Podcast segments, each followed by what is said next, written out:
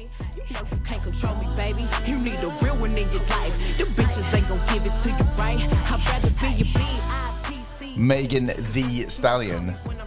I'd rather be a B-I-T-C-H. Vi kan alla stava, så vi vet exakt vad hon menar. to you right. I'd rather be a B-I-T-C-H. Cause that's what you gon' call me when I'm tripping anyway. You know you can't control me, baby. You need a real one in your life.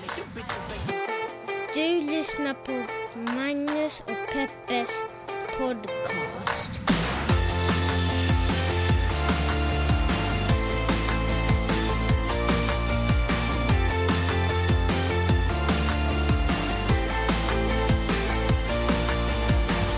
Hallå internet! Hjärtligt välkomna till podcasten som heter Magnus och Peppes podcast. En liten podcast där vi pratar om stora och små händelser i världen och så gör vi det ur ett journalistiskt, feministiskt och huvudsakligen Peppes perspektiv.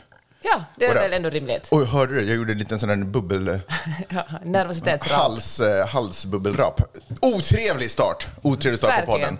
Peppe, hur mår du? Jag mår bra, tackar som frågar. Kul. Det är lördag morgon, Ja. det är eh, surf snart, det är hästar på programmet, det är podcast nu. Kan en kvinna önska sig mer? Jag tror att det här är liksom... Jag tror att det här borde vara goals för alla kvinnor.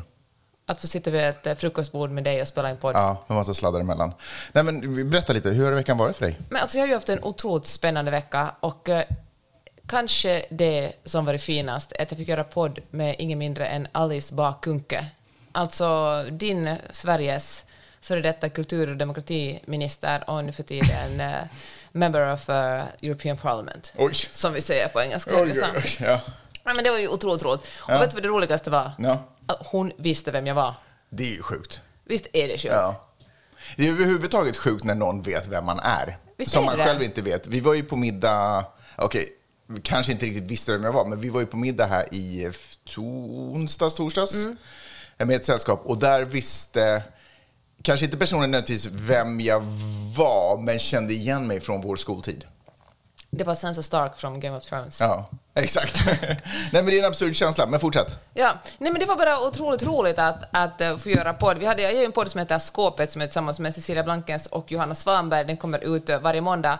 Och eh, eftersom Johanna var borta den här veckan så bestämde vi oss för att eh, ta in en vikarie och då föreslog Cecilia att eh, denna vikarie får bli Alice Bah Kuhnke. Och eh, så, så tackade hon inte bara ja utan för att upprepa den en gång visste vem jag var. Men hör du, alltså originaltrion är ju du, Cecilia Blankens och Johanna Svanberg. Mm.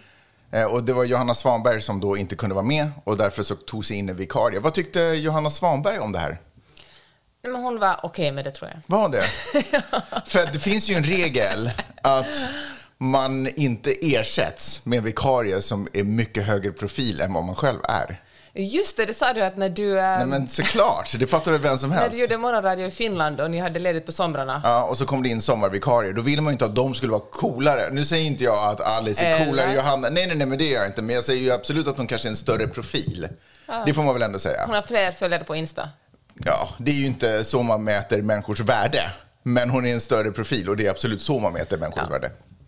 Men hon Ja. var cool med det. Nej, men, hon, nej, men det var det jag skulle säga. Ja, men jag tror Johanna, jag tror att men det, man kan ju inte säga sådär jag är inte cool med att ni väljer en person. Så hon, och nästa vecka är hon tillbaka igen och allt är bra. Jag tror att Johanna hade varit mer okej med om det var jag som hade vikarierat för henne. Jag tror att det hade känts mycket bättre.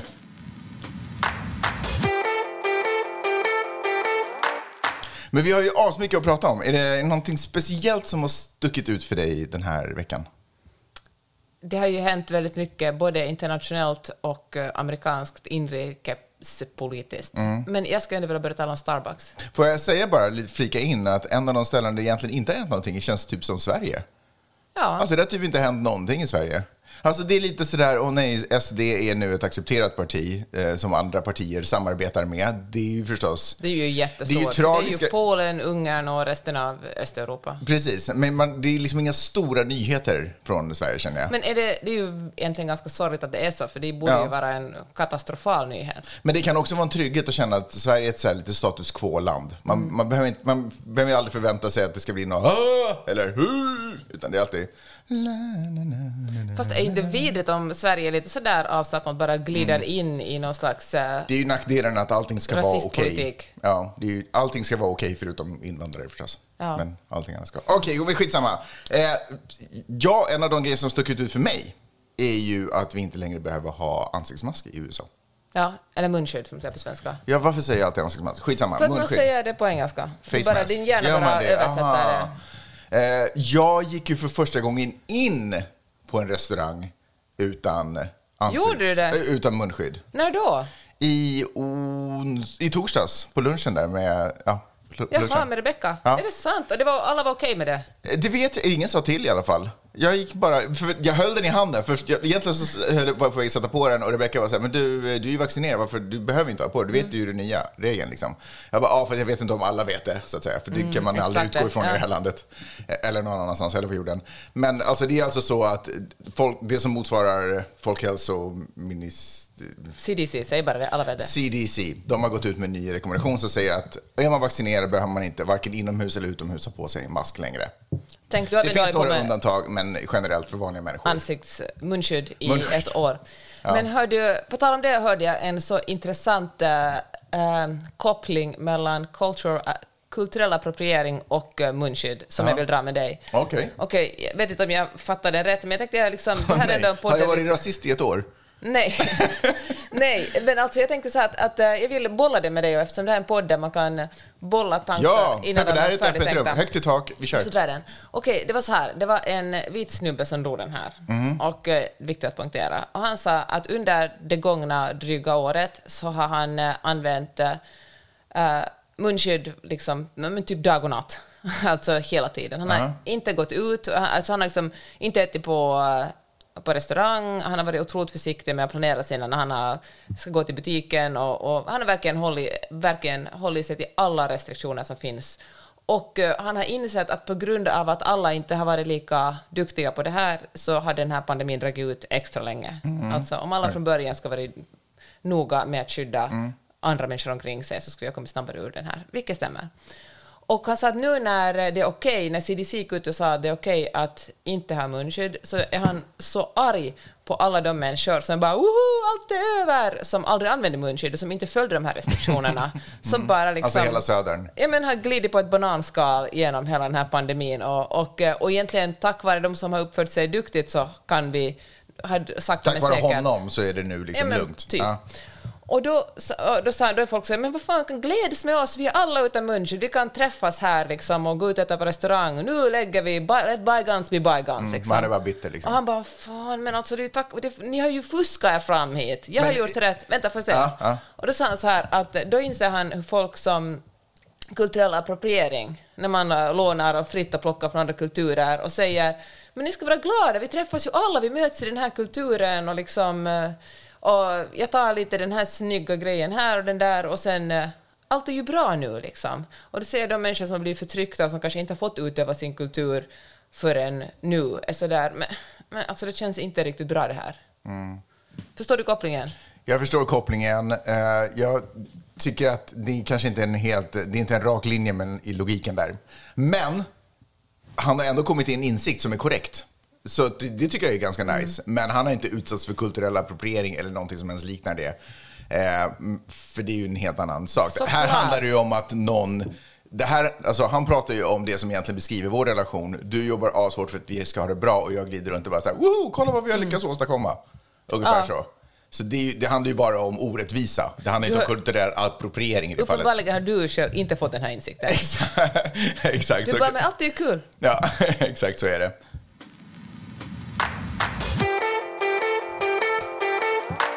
Fantastiskt är det i alla fall att inte längre behöva gå omkring med mask. Men kan jag också bara säga... Munskydd. Mm, Förlåt, munskydd. Men kan jag också säga att så där känner jag lite det vi genomgår i USA. Även fast inte vi har låst in oss så har vi ändå varit tvungna att följa de restriktioner som finns gentemot den relationen man har till covid i Sverige. Eh, alltså där, där kan jag känna, för snart kommer jag se att sve- svenskar kommer vara så här, woho, vi klarar det! Och man bara, oh my god, ni har verkligen gjort zero för att det här ska vara över. Vet du vad, jag, apropå det så skannade jag igenom eh, tidningen eh, faktiskt nu i morse och så ser jag en rubrik i Svenska Dagbladet som står så här, som, där det står så här, flera vaccinerade på IVA i Uppsala. Eh, Jaha. Och då blev jag så här, "Ah, kom igen, måste man nu börja skriva artiklar om att det är farligt att ta vaccinet? Eh, För det var så jag tolkade det. Men glädjande budskap, Peppe, det är inte vad TT-notisen handlar om. Utan det handlar om att äldre som har tagit första dosen inte är tillräckligt vaccinerade. De kan ändå smittas. Men när man tagit första dosen så kanske man går omkring och känns lite odödlig. Men det finns, det finns liksom mutationer av det här viruset i Sverige som är mycket, mycket aggressivare som ändå gör att du kan bli smittad. Så se till, om ni ändå ska vaccinera, ta två doser. Håll er lugna tills ni har tagit den andra dosen också och håll er ändå lite lugna. Här i USA får ju 12 till 15-åringar nu också vaccinera sig. Förr hade det varit från 16 år uppåt. Men från och med typ i förrgår så vaccinerar man också tonåringar. Precis Och, året över vidare. Ja, men verkligen. Men man räknar med att till hösten, september, stod det senast i New York Times, att tvååringar och uppåt ska vaccineras. Och det här är man lite stressad över eftersom eh, en grupp som tyvärr är väldigt utsatt för att uh, sugas in i konspirationsteorier är Tvååringar. tvååringar. Djävularna fattar ingenting. Nej, men alltså mammor. Jag- ja, men det är för att man är så orolig. För Ja. att snubbarna tar inga ansvar. Så man, allt ansvar ligger på ens egna axlar. Ja. Och man måste fatta alla rätt beslut hela tiden. Och, eh, och när det kommer till ens barn, då tänker man kanske så här att, att okej, jag, kan liksom, jag kan vaccinera mig, det är bra, det har liksom man förstått. Men det kommer att, att spruta in någonting i, i sitt barn så kan det kännas läskigt, vilket Såklart. ju är helt... Liksom, egentligen är det en paradox, för att när det kommer till andra vaccin så, så vaccinerar ju de flesta föräldrar Jo, men kan vi barn. ändå titta på de flesta andra vaccin som man måste ge till sina barn har funnits i kanske 50 år. Sant, och jag fattar att alla liksom, vi är ärrade av liksom, eh, svininfluensa-vaccinet och så vidare. Mm. Det var verkligen den som Men- fuckade upp allting. Ja. Vi var helt lugna tills dess. Verkligen. Men, eh, men jag tänker också att då blir det ett, ett, någon slags tankefel där. Jag kan fatta den där. Alltså den är ganska, den är kanske inte helt irrationell. Det, det, man kan, jag kan förstå den rädslan. Men samtidigt måste man också förstå att när man inte vaccinerar sina barn, det är, liksom inte, det är ju också ett beslut man aktivt fattar. Det är inte så att då kommer allt att vara bra och där barnet kommer att vara friskt hela livet, utan det, det är ju också en, en jättestor risk man tar att inte, eller kanske inte jättestor, men det är en risk man väljer att ta om man inte vaccinerar sitt barn. Men, eh, men det är på något sätt, förändring är ju alltid något som skrämmer människan mest av allt och det känns kanske lättare att inte göra någonting än att aktivt göra någonting. Så då, nu befarar man i alla fall 25 procent av alla amerikanska föräldrar har sagt att de absolut inte kommer att vaccinera sina mindre barn. Mm, Jag kan höra det. Så små barn kan jag nog egentligen förstå. För det är ju inte så att vissa vaccin som man får ska tas, är bättre om de tas när man är jätte, jätte ung. Men det här vaccinet kan man ju ändå ta. Men du fattar ju att det är inte någonting som man bara... Alltså, Jag man test- förstår, på det. men ponera i en drömvärld, i en utopi, om alla andra är vaccinerade utom tvååriga barn så är det fortfarande lugnt. Ja, men det här är alltså mellan tvååriga barn upp till tolvåriga barn, alltså också vår son. Ja, hur som helst, jag är pro-vaccin, men jag tycker i alla fall det är tråkigt att, eller tråkigt att liksom så konspirationsteorier och folk som är antivaxare på något sätt riktar sig aktivt mot mammagrupper och liksom ställen där relativt unga kvinnor rör sig för att påverka dem. Men och, är det så att de riktar sig aktivt eller är det så att där finns bara svampen? nej, uppenbarligen så riktar de sig aktivt mot mammor enligt Det är ju cyniskt och Ja. elakt. Tråkigt. Förstås. Men, men, men åh, det är så otroligt svårt. Alltså, jag har ju nog haft samtal med vänner och bekanta där du vet, man har ett vanligt samtal och sen så kommer det sakta men säkert så kommer det en liten konspirationsteori eller någonting annat. Och man bara... Ja, för det, det är så lätt att bara nästlas in i det. Jag kan känna liksom... Alltså jag känner också en dragning åt eh, konspirationsteori på samma sätt som jag känner en dragning åt science fiction. Alltså det är spännande. Det är spännande om världen skulle vara eh, lite invaderad av eh, ödlemänniskor och vi går omkring här som om allting vore en film starring Will Smith. Eller, eh, Till exempel. till exempel. Men alltså, det är ju en kittlande känsla. Och eftersom det kommer ut så otroligt mycket information och en del information är så otroligt manipulativ så ibland gör man det där tanke... Jag gör det ibland det där tanke... Miss, att jag lite faller över. Sen bara, oh, så måste jag säga check myself och backa tillbaka.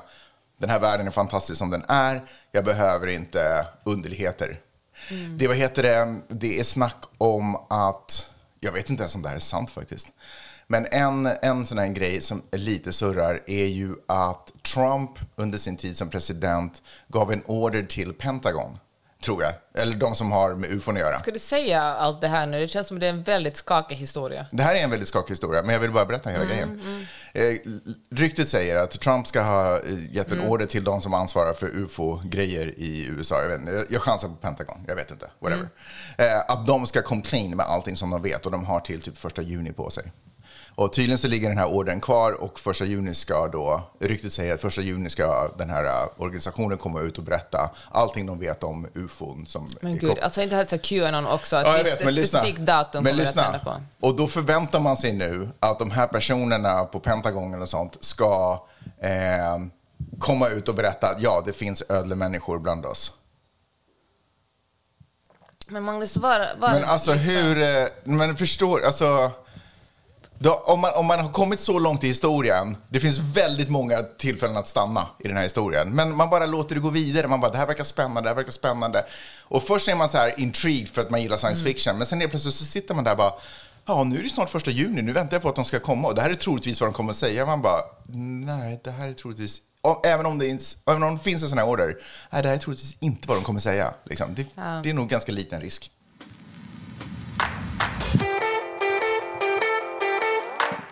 Jag vill tala om eh, Starbucks. Oj, Och eh, du vet att jag hyser jag tror du ett, skulle säga eh, Stargate. Nej, jag vill inte tala om något sånt. Jag vill inte tala om rymden om vi säger så. Nej, okej.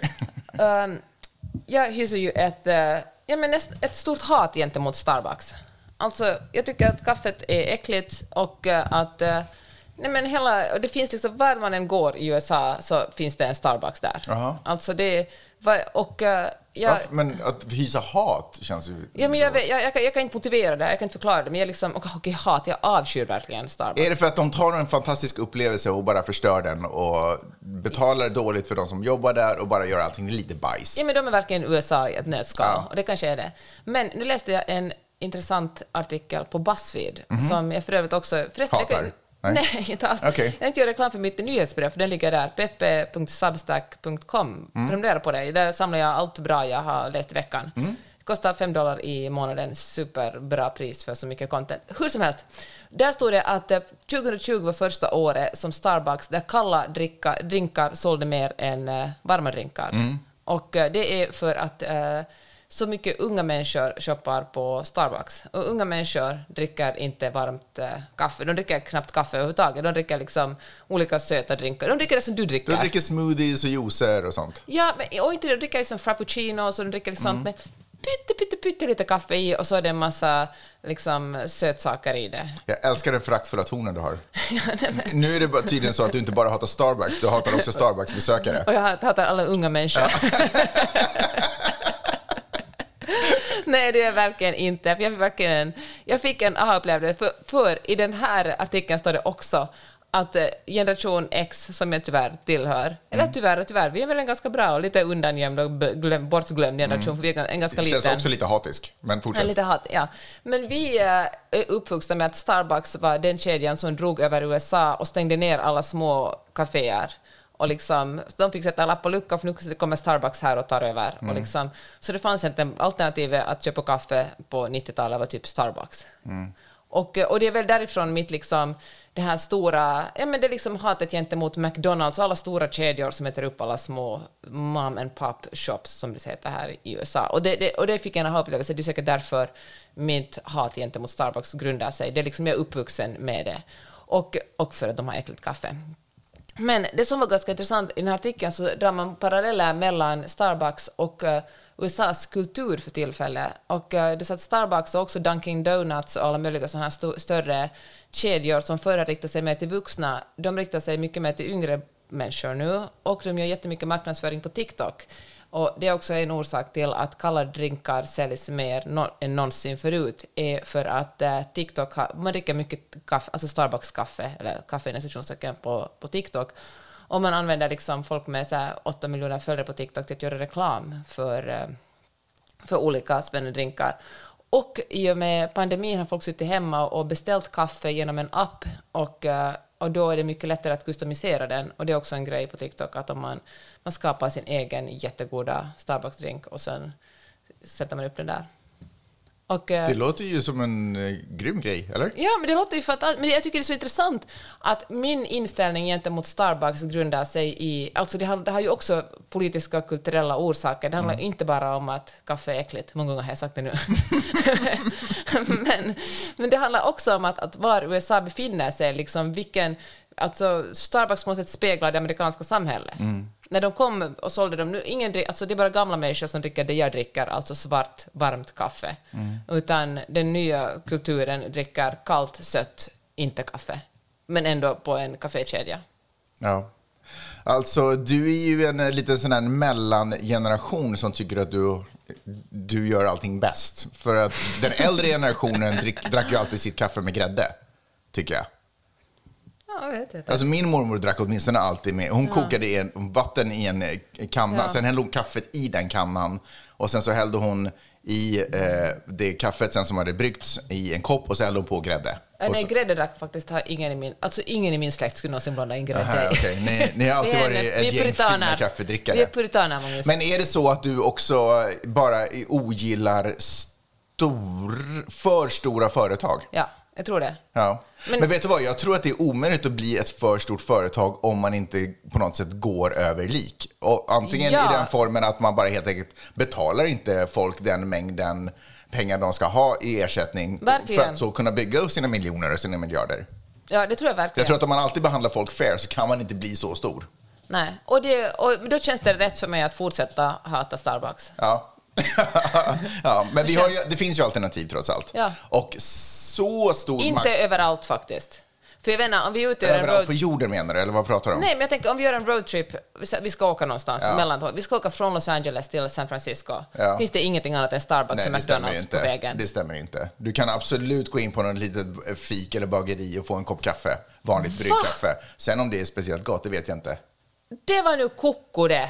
Alltså alla ställen vi laddar bilen på har liksom en Starbucks, de har en Target och de har med en extra Starbucks i sig. Och så har de någon slags snabbas, ett jättestort utbud av snabbmatsrestauranger. Ja, du har drabbats av tillfällig minneslucka. Det är helt fine. Det kan hända den bästa av oss, men det går absolut att få tag på vanligt kaffe också. Man måste inte välja storföretag.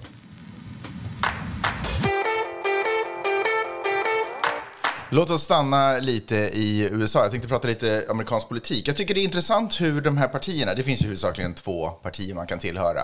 Tredje om man är typ så oberoende. Men, och det är ju Republikanerna och Demokraterna. Men jag tycker det är intressant hur det är uppbyggt, för tydligen så är det så att eh, alla partier har en ledare för det här partiet, som inte nödvändigtvis är den som är presidenten. Eller så här, eh, i Sverige så har vi ju partiordförande, och som också då är ledare för Förutom Miljöpartiet. Som har språkrör. Bra poängterat.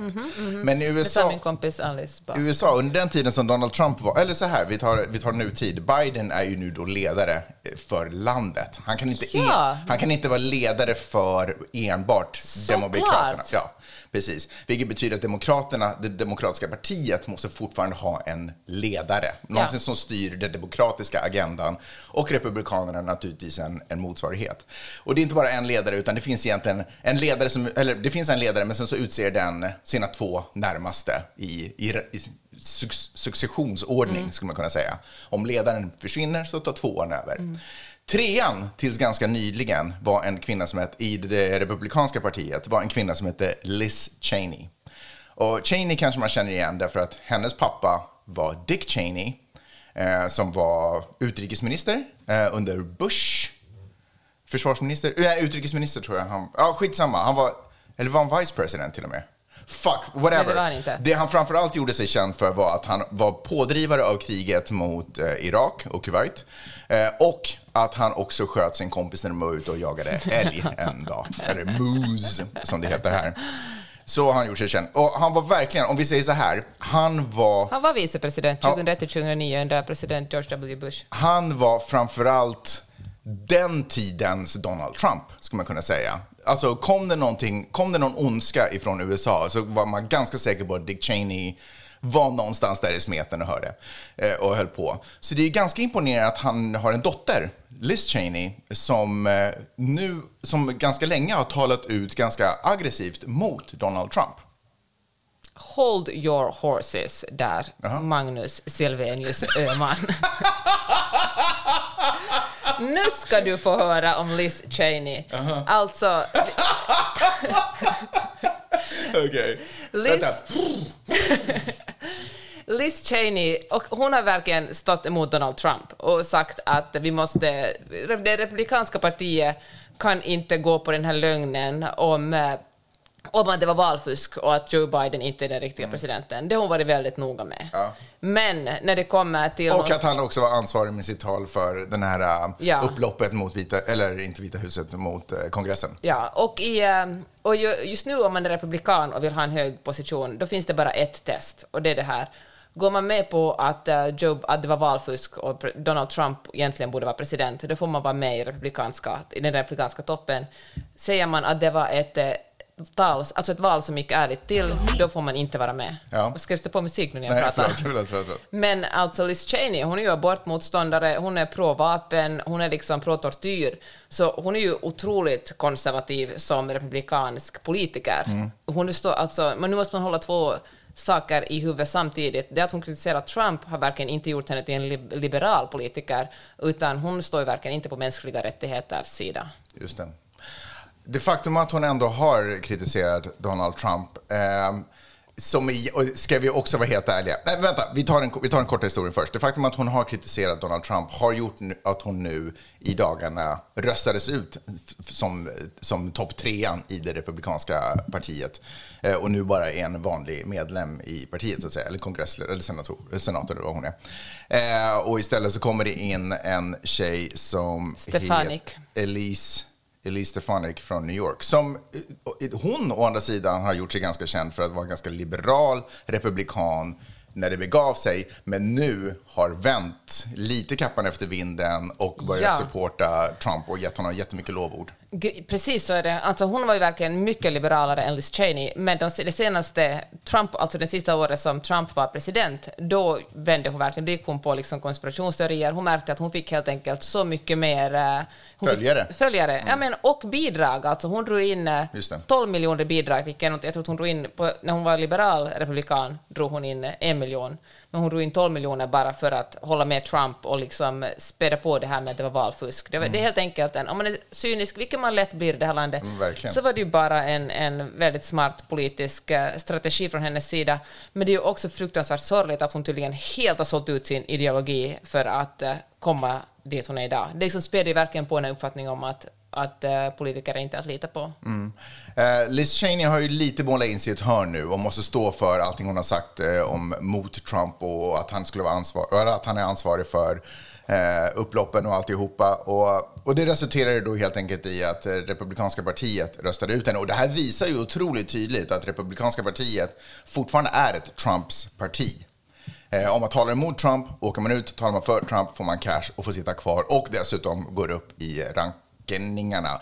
Och det här tänkte jag då, för du sa ju för ett tag sedan att kommer Trump någonsin komma tillbaka så tänkte du att nej, det, det kommer han absolut inte göra. Det här känns ju ändå lite som att det kommer han nog 100% att göra. Ja, får se alltså. Han är ju, för det första är det ju jätteintressant, hans track record är det att eh, han är den första presidenten på, jag vet inte hur, på jätte- jättemånga år, som, eh, inte, som förlorar senaten, förlorar kongressen och förlorar presidentvalet, och ändå är han så stor stjärna.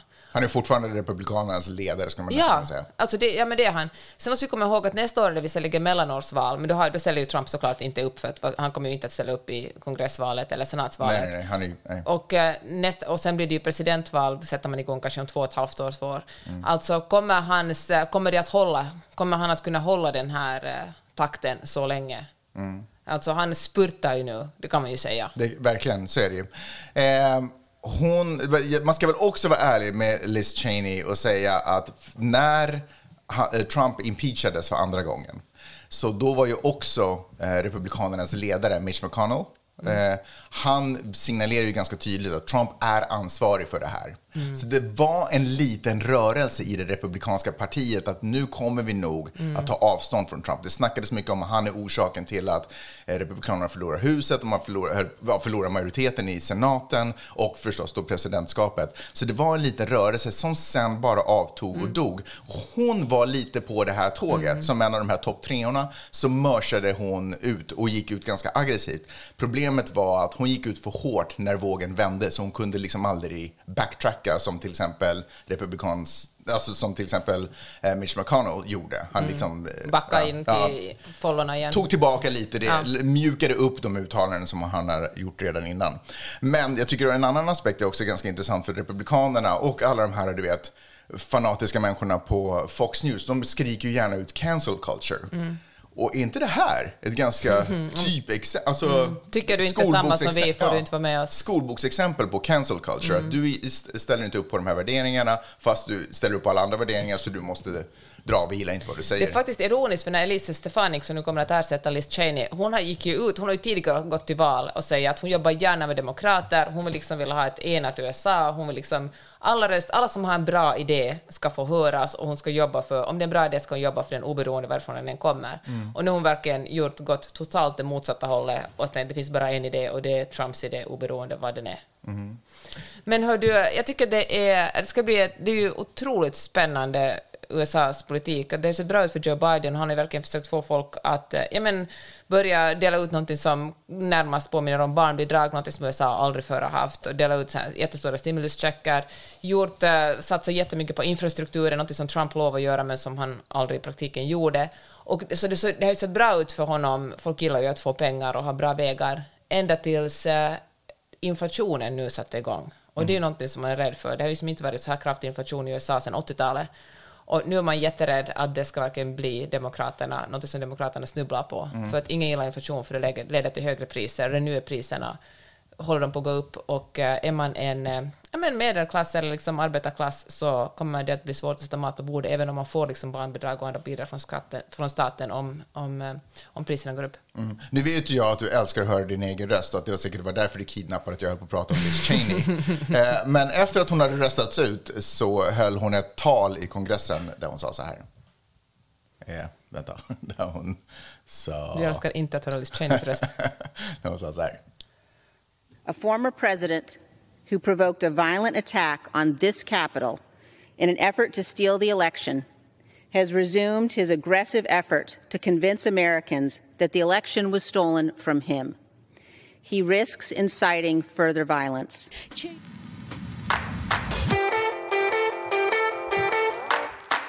Vill du säga något mer om eh, president Biden? För jag har nog mer på president Biden. Kör. Precis som du säger så har han ju haft en ganska, han har haft en bra smekmånad kan man säga.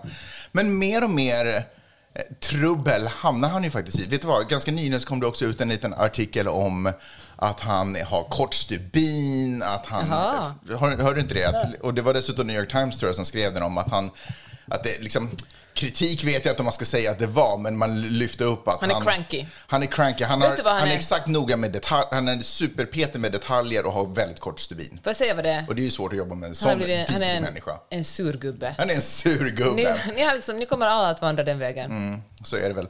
Men hör du, han har ju ett annat problem också, eh, förutom inflationen, och det är nämligen kriget i Israel. Kriget mellan Israel och Palestina. Jag kan säga det därför att jag är svensk och Sverige har erkänt Palestina som stat. Eh, för det faktum är, alla vet ju att USA har varit otroligt lojal Israel och Israel och USA är ju allierade eh, på många, alltså så är det ju bara militärt. Eh, men på det sättet som det här kriget har utförts så har det ju retat väldigt mycket liberala, den liberala falangen, eller det som beskrivs här som vänsterfalangen, den extrema vänsterfalangen i Fast är det verkligen den extrema vänster? Nej, men det är det förstås inte, Ska men- du komma till det eller ska jag ta det? Nej, men alltså, nej, det jag tänkte komma till är att han har ett problem därför att hans parti, det som han, som jag då sa tidigare så representerar han förstås amerikanska folket, men han är fortfarande en demokratiskt vald president. Och hans parti så finns det väldigt mycket röster som säger att vi kan inte hålla på och stödja Israel på det här sättet. Det är faktiskt jätteintressant, för det vill jag också prata om. Hur eh, jag upplever första gången så höjs det väldigt mycket röster för palestinierna. Och jag upplever att det inte har gjorts på samma sätt i USA tidigare. Det hade varit väldigt, eh, alltså det landet var aldrig ense om någonting, men ändå en majoritet har varit sådär att Israel har rätt på sin sida. Och speciellt under de förra fyra åren med Donald Trump, det första han gjorde var ju liksom flytta USAs ambassad från Tel Aviv till Jerusalem.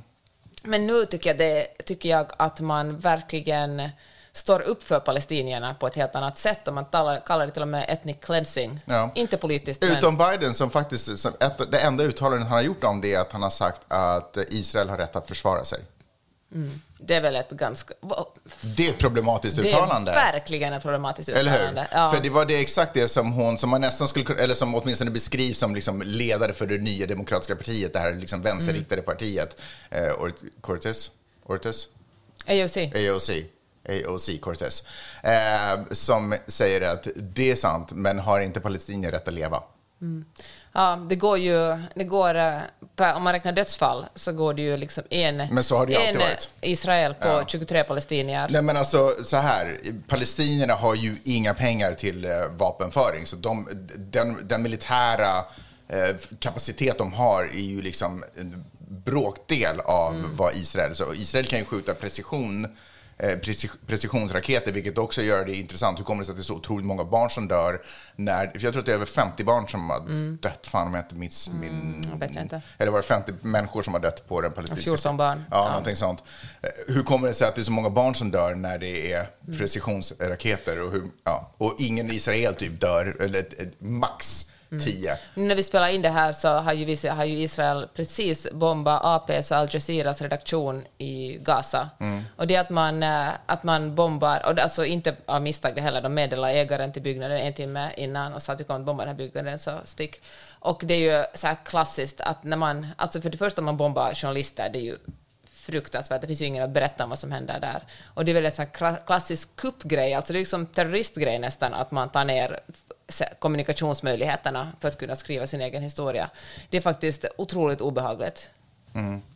Det är ju mycket som händer. Det är ju, alltså alla fattar att det här är en långvarig konflikt. Det här är ett öppet sår som aldrig, eh, aldrig kommer... eh, Eller verkar leka. Ja. aldrig kommer läka förrän liksom, nation, alla nationer går samman och delar upp landet. Alltså, jag kan inte se, se något annat, men jag är inte diplomat eller politiker på den nivån överhuvudtaget. Det fattar ni säkert. Men eh, just det här eh, mynnar ju ut i en eh, husfördrivning eh, som Frågan är, var den laglig eller var den olaglig? Eh, palestinier som har bott i ett område blir utdrivna. Eh, palestinierna tror att de, och nu handlar det inte om så här vilket, vad man claimar som sitt kulturella arv på mark, utan de här familjerna trodde de facto att de ägde, att de hade papper på ägandeskap och det visade sig att det hade de aldrig. Eh, för att de helt enkelt hade blivit blåsta av det för länge sedan av sin egen dåtida regering på 50-talet. Eh, och blir utdrivna och det här blir liksom det som tänder. Plus att en massa andra saker pågår. Ramadan inträffade, polisen Eller avslutades kanske. avslutades och polisen Ehm, tvingade bort folk från en plats där de alltid samlas och firar och det uppstod kravaller och det blev bara kaos. Men det här, ehm, det är liksom, och så har det ju alltid varit, men jag, jag kan inte, jag tycker det är så otroligt eh, mörkt när man hör berättelser. Och det här tar mig tillbaka till så här minnesbilder från nyheter, och för jag var inte på plats, från LA Riots. Det här otroliga, jag förstår, nej, jag kan förstås inte förstå det, men det här hatet som ligger så otroligt djupt inne, som kommer förstås av förtryck. Och jag kan tänka mig att båda sidorna på något sätt känner sig förtryckta och utsatta. Men såklart, man är ju uppfostrad i en kultur där det Exakt. bara finns en, där man, där det finns en ärkefiende. Ja, men som kan få människor i grupp att till exempel stå och sparka på en människa som redan är död av, dem, av tidigare slag.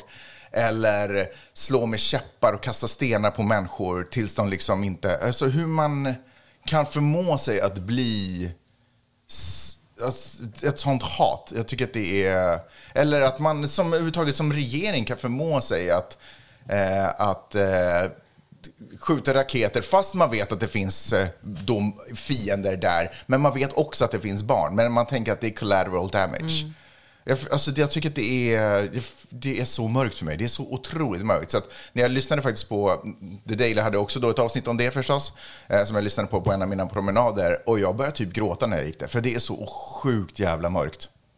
Det är så sjukt jävla mörkt. Och då också, med det någonstans, och sen så hör man att Biden är så här, Israel har rätt att försvara sig. Vad fan snackar de om, det jävla mupp? Det där var så sjukt muppigt sagt. Det är ju bara för att Eh, det sitter människor, alltså judar eller kopplingar till Israel på höga positioner och, och, och har så otroligt mycket, skjuter in så otroligt mycket pengar och har gjort det under så många, många, många decennier så att han liksom inte kan säga någonting annat. Liksom. Jag tycker det är så ledsamt. Hörru, jag tänkte att vi skulle börja runda av, men du hörde väl om eh, Jeff Bezos yacht som behöver en yacht? Nej, det gjorde jag faktiskt inte. Alltså han är så rik så han har så stor yacht så den yachten har en yacht.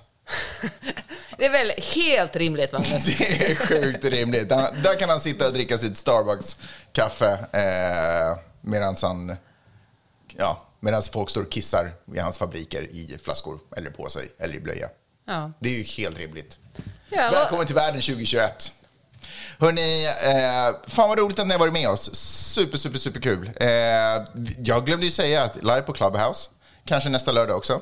Ja. Eh, troligtvis. Eh, och eh, podden kommer ut på måndagar, så ni hör det alltid först på Clubhouse, så tänk på det. Ja. Eller, Ja, men och hör av er. Magnus Ja. och Peppe at gmail.com. precis. Vi finns på Facebook, tyvärr. Mhm. Ja, och- Finns vi där? Jag är inte så, vi är inte så superaktiva där. Och- Jag säger så här, DMa oss på Insta om ni har någonting att säga. Följ Magnus på Insta. Ja, följ mig, Maggie Soffman. Maggie so S. Offman. Eh, och sen eh, med DM, du vet, skicka mail, Magnus, precis som Peppe sa, magnuspeppesnabelagmail.com. Hör av er, för det är ju ändå dialogen och kommunikationen som är det roliga. Eh, och så tänker jag att vi hörs om en vecka igen. Det gör vi. Okej, fint. ha det bra. Hej. Hej. Bye.